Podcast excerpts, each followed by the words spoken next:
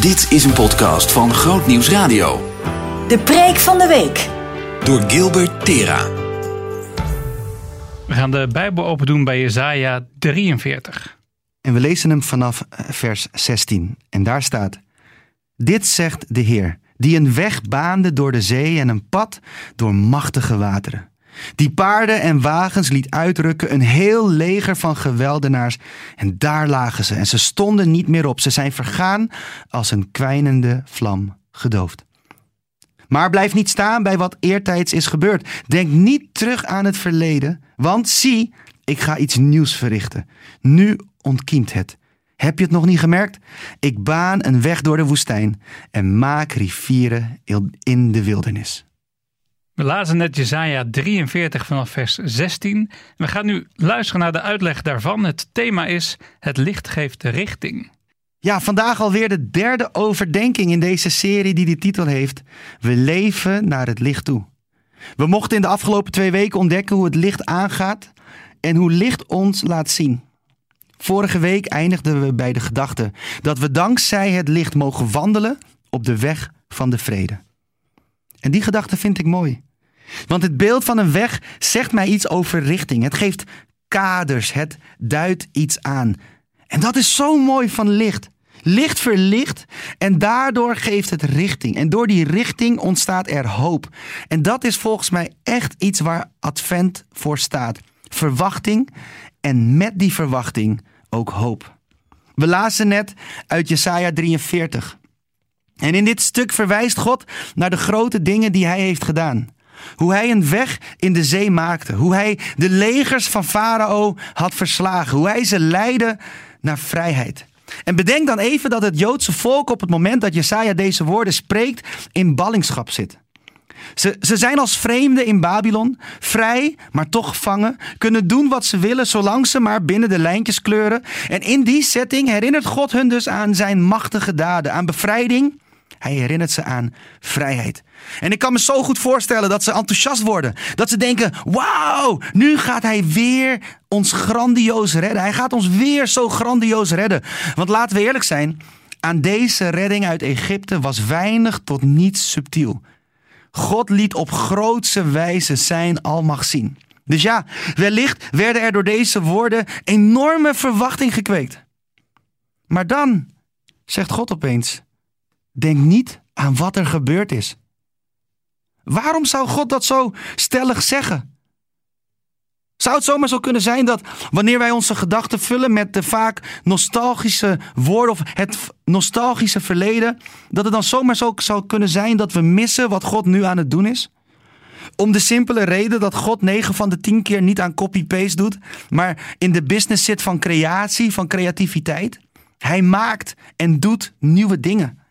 En het is daarom zo belangrijk om niet te snel te denken dat je God doorhebt. Zo van, hij deed toen dit en dit in die situatie. Dus als we nu die situatie opnieuw zo creëren, zal God wel hetzelfde doen.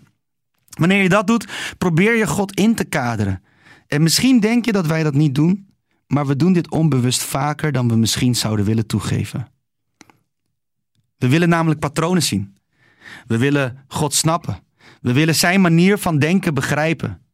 En ik zeg we, maar misschien moet ik ik zeggen. Maar als je aangesproken voelt, hè, laten we dan wel op we houden. Want we, moeten volgens mij leren omarmen dat wij hem niet ten volste kunnen snappen. Dat, dat we gewoon moeten accepteren dat we hem niet ten volste kunnen begrijpen. Dat hij gewoon zoveel groter is dan ons brein kan bevatten. We mogen misschien wel patronen zien, maar snappen, doorgronden, begrijpen is een hele andere level. Dus accepteer dat je God niet volledig kan snappen en omarm het gegeven dat we niet veel weten en wees dankbaar dat we door de Bijbel genoeg mogen ontdekken om Hem te vertrouwen, om op Hem te mogen bouwen en Hem te volgen. En natuurlijk mag je dingen herinneren. Sterker nog, God roept zijn volk vaak genoeg op om dingen te herinneren. En wellicht is dat de reden dat de Bijbel in gewone taal schrijft. Kijk niet alleen terug naar het verleden. Geniet en getuig van de dingen die God heeft gedaan. Voed je geloof ermee. Maar durf het ook los te laten, zodat er ruimte ontstaat voor nieuwe dingen. Zie, ik maak iets nieuws. Dat is wat God zegt. God roept de luisteraar hier op om het te zien. Met andere woorden, Je zou het zomaar kunnen missen. Ik geloof oprecht dat we kunnen missen wat hij nu doet, wanneer we onze blik op het verleden hebben gericht. God zegt, nu zal het ontkiemen. Weet je wat ik zo mooi vind aan het woord ontkiemen? Het brengt me terug naar mijn basisschooltijd. En, en laatst trouwens ook uh, onze dochters. Onze twee oudste dochters, die hadden ook zo'n proefje. Zo leuk. Ik, ik, ging helemaal terug naar, naar vroeger. Uh, ik weet niet of je dat ooit hebt gedaan op school, maar we hadden dan zo'n boon. En, en dan deed die op uh, keukenrol vochtig in een zakje. En dan ging je kijken wat er ging gebeuren met dat boontje. En, en dan zag je dat er worteltjes uitkwamen. Dat het ging ontkiemen. Weet je, wanneer een boontje ontkiemt, dan breekt het boontje als het ware open. Maar 9 van de 10 keer zie je het niet. Simpelweg omdat dat boontje in de grond zit. Het gebeurt allemaal onder de grond. Het proces van, van ontkiemen heeft dus niets te maken met een grote knal, een groots event of iets mega zichtbaars. Nee, het gebeurt in het kleine, in het verborgene, vaak onder de grond. En je zou het zomaar kunnen missen wanneer je niet oplet. Wanneer God iets doet, is het soms en misschien zelfs vaak niet zo zichtbaar als we zouden verwachten. Het vereist aandacht, focus en geduld om het te kunnen zien. Het laat ook zien dat God een God van details is. Ja, hij doet grootse dingen, maar heel vaak doet hij dat op de meest onopvallende manier. Opeens is het er en dan zien we het.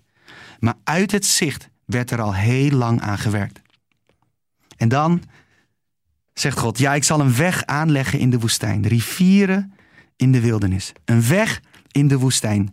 In de woestijn heb je zand en alles lijkt op elkaar in de woestijn.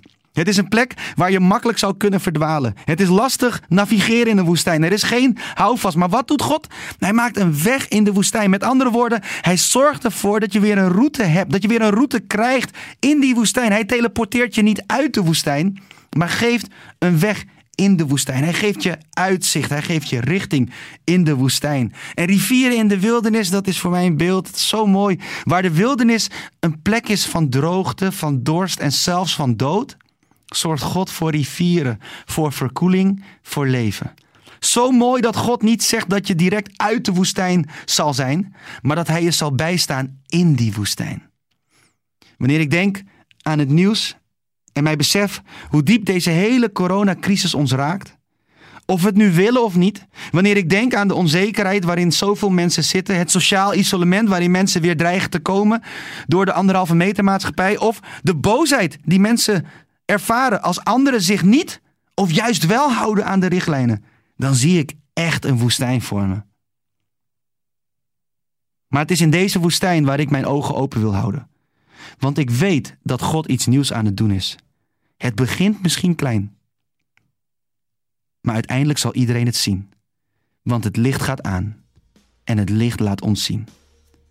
Deze God, deze grote God, die licht is, deze God zal ons leiden. Hij zal ons bijstaan met een weg in die woestijn. En hij zal ons rivieren geven in de wildernis. En zo kunnen we vandaag zien dat licht ons richting geeft. Behoefte aan meer? Grootnieuwsradio.nl slash podcast.